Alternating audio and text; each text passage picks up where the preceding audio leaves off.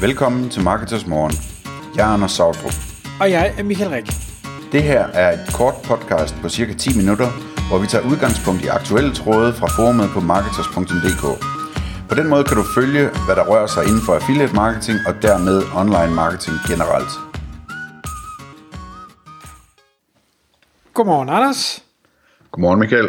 Så er klokken blevet 6, og i dagens afsnit af Marketers Morgen, der skal vi tale om seks grunde til at hæve provisionen på dit affiliate-program som annoncør. Fordi mange sætter en sats, de sætter en procent, de sætter et fee, en lead-pris, og så tænker de, det er nok det. Men det er det ikke nødvendigvis, og der kan være de her seks grunde til, at det, det, man skulle overveje at hæve dem. Og du har samlet de her seks grunde op, Anders, og hvad er nummer et? Ja, altså jeg vil lige starte med at sige, at det, det, det gode spørgsmål til at starte med, det er jo selvfølgelig, hvorfor skulle man overhovedet ønske sig at hæve provisionen på sit affiliate-program? Øhm, og svaret på det er lidt det samme som spørgsmålet om, hvorfor man skulle overveje at gå efter en lavere ROAS på sin, øh, på sin øh, Google Ads for eksempel. Altså det, det er et spørgsmål om at, at øh, betale noget mere øh, for sin salg, for at vokse hurtigere og blive større og hvad hedder det, stikke sine konkurrenter mere og hvad ved jeg, ikke? Øhm, så, så hele formålet med at hæve provisionen på sit affiliate-program, det er at få flere affiliates til at sælge mere.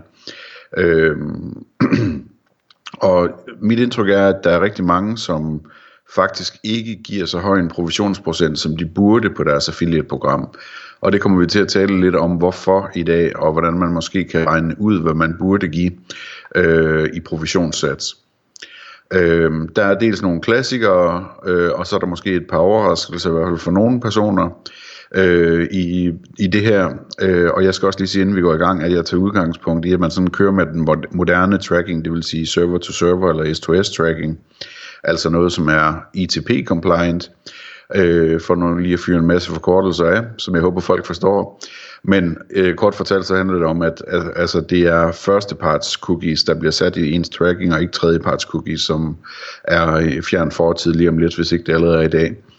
Så de ting, som, som kan være en grund til at øh, give noget mere, er øh, sådan nogle ting som livstidsværdien, som man får øh, fra en øh, ny kunde. Og det vil sige, at når affiliates sender kunder til en, så er der rigtig meget af affiliate-trafikken, som er meget, meget højt oppe i trakten. Det vil sige, at de fanger øh, din kommende kunde ind på et tidspunkt, hvor kunden måske slet ikke ved, at du som webshop eksisterer.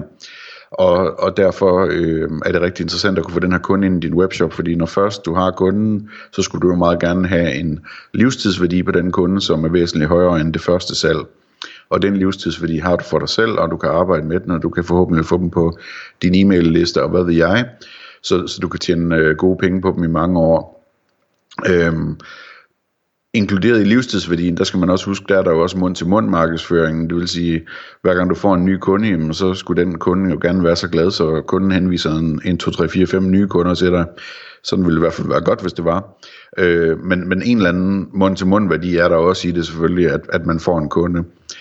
Dertil så kommer der hele branding-delen, at hvad hedder det, du skal huske, at du får noget branding ud af det her, når, når affiliates først går i gang med at markedsføre dit program, jamen så, øh, hvad hedder det, så, så er der rigtig mange, der læser om, om din butik, om, om dit øh, website rundt omkring på nettet i alle mulige sammenhænge. Vi har talt mange gange om, hvor mange forskellige slags affiliates der er.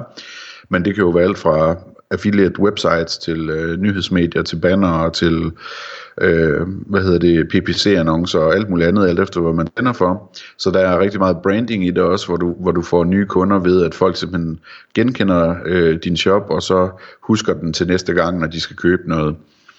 Øhm, og, så, og så er der hele det her med at nappe fra konkurrenterne, selvfølgelig ikke, at jo mere, øh, jo mere du, øh, du hæver din provision og, og kan få flere affiliates til at henvise til dig, jo flere salg får dine konkurrenter ikke. Og øh, når vi øh, ikke er til ikke er til øh, i en forsamling, hvor vores konkurrenter er, så kan vi nok alle sammen indrømme, at, at det vil også være en fin del, øh, en fin idé for vores forretning. Øh, så er der et par ting, som er sådan lidt mindre klassiske, øh, og dog den ene ting, det er det, der hedder cross-device. Og der er problematikken simpelthen, at når folk undersøger på en enhed, men køber på en anden enhed, så følger cookien ikke med. Det er den korte måde at sige det på. Man kan også sige det sådan, at for eksempel hjemme hos os, der, øh, der er det nogle gange, at øh, min hustru, hun har fundet et eller andet, vi skal have købt, et par nye sko til børnene, eller hvad ved jeg. Og det har hun undersøgt på mobiltelefonen, og hun har så sikkert været inde på nogle affiliate sites og finde de her sko, og klikket på nogle affiliate links. Og når skoene så skal bestilles, jamen, så siger hun til mig, om ikke jeg lige kan bestille de sko, og så sender hun mig linksene eller navnene på dem eller et eller andet. Og så går jeg ind og køber dem sammen med alt det andet, der skal købes. Øhm, og der er jo ikke nogen cookie på min, øh, min laptop, som jeg køber fra, fordi det er på hendes mobiltelefon, cookien er sat. Så det vil sige, at sådan anslået øh, kunne måske et sted mellem 60 og 70 procent øh, af, af de salg, som affiliate-skaber blive, blive tracket, mens at øh, måske øh, en, en 30-40 procent af, af salgene ikke bliver tracket, simpelthen på grund af den der cross-device ting. Så det er sådan lidt ligesom branding. Øh, så man får sådan kort fortalt nogle gratis salg med på grund af den problematik. Øhm, det samme gælder cookie pop-up. Øhm, når øh, man har en cookie pop-up som webshop, og man kører med first party, øh, party cookies, jamen, så er der jo også et problem i det, at hvis cookien den for eksempel er, er øh, kategoriseret som en statistik cookie, øh, og dermed der er nogen, der siger nej tak til den, jamen så øh, bliver der ikke tracket på, på de salg simpelthen. Og der kan man jo se i sin statistik, hvor meget og hvor lidt det drejer sig om. Øh, det kunne måske også være, at det er 70%, der siger ja til cookies, ikke? Dernæst så er der øh, folk, der sletter cookies, og der kan være for eksempel øh, forskellige problematikker med adblockers nogle gange også. Øh, og så til sidst så er der jo så, at folk også kan finde på at, at købe lang tid efter cookie-tiden. Hvis man er som jeg er, så kan det jo sagtens være, at man tænker på, at man vil købe noget og undersøger det, og så bookmarker man det, og, og så køber man det tre måneder senere, når man kommer i, i tanke om det igen ud fra sit bookmarker. Der er den cookie altså udløbet, ikke? Øh, så, så det er nogle af de ting, der, gør, øh, der er med. Så hvis man nu siger, det vil faktisk sige, at jeg får mange flere salg øh, ud af det, end, end dem jeg betaler for, jamen så har jeg jo også råd til at betale noget mere for det enkelte salg, hvilket så vil gøre, at jeg får mange flere salg, og mine konkurrenter får færre salg. Så begynder det at blive interessant. Så hvis man skal beregne på sådan noget her, øh, det bliver ikke sådan en, du får ikke en, en eksakt formel, men altså, en god idé og sådan at tage udgangspunkt i, synes jeg, det kunne være at kigge på sin, sin ROAS, fordi den er typisk en ting, man rigtig har tænkt over i en virksomhed. Hvad skal ROAS'en være, og hvorfor? Øh, og, og, og der skal man så se på den ROAS, man har sådan uden brandsøgninger, fordi de er ikke rigtig relevante her.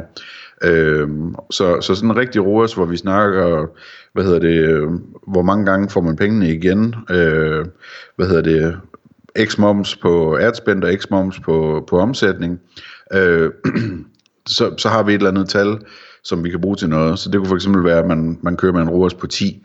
Øh, så skal man regne ud, hvad, hvad det vil give samlet provision, man kan give, øh, og det er så bare 100 del med ROAS, så 100 del med 10, det er så 10% i samlet provision.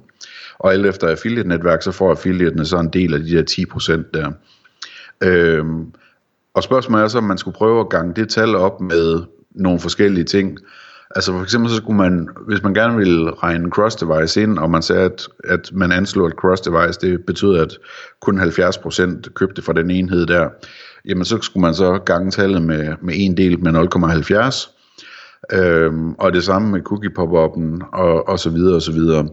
Øhm, så, så det er sådan en, en beregning, man kan lave, og tit så kan man ende ud i at finde ud af, at man måske faktisk gerne vil vil øh, betale noget, der minder om det dobbelte i, i affiliate-kommission, og stadigvæk har en rigtig god forretning ud af det.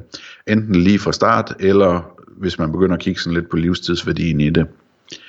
Så det er, øh, det, det er øh, den overvejelse, jeg gerne vil have, man gør sig, om ikke der i virkeligheden er råd til en hel del mere på provisionssiden, hvilket vil give en, en, øh, en alvorlig forøgelse i, øh, i omsætningssiden. Ikke? Og en ting, jeg, jeg sidder og tænker på, når nu du nævner alt det her, Anders, det er, at meget af de her seks punkter, du har nævnt, gør sig faktisk også gældende ved andre former for betalt annoncering, hvor vi også kan have cross-device problematik, vi øh, ikke får en tænkt livstidsværdi, der er adblockers osv. Så, så det kunne sagtens være, at man også brugte for lidt penge der, og at man derfor, hvis man øger på alle de her betalte kanaler, når man får en lille smule øh, jeg vil ikke sige mere styr på data, men i hvert fald tænker lidt mere over data, øh, at man faktisk kunne øge sin forretning og sin omsætning ret markant. Bestemt. Altså det er jo virkelig et spørgsmål om, at hvis, hvis, hvis det er sandt, jamen, så er det jo noget, man kan se på regnskabet nærmest, ikke? Om, om man øh, antager den rigtige ROAS i sin, øh, i sin forretning eller ikke gør, hvis man ellers kan finde ud af at trække øh, det organiske og det direkte ud af, af systemet. Tak fordi du lyttede med. Vi vil elske at få et ærligt review på iTunes, og hvis du skriver dig op til vores nyhedsbrev på marketers.dk-morgen, får du besked om nye udsendelser i din indbakke.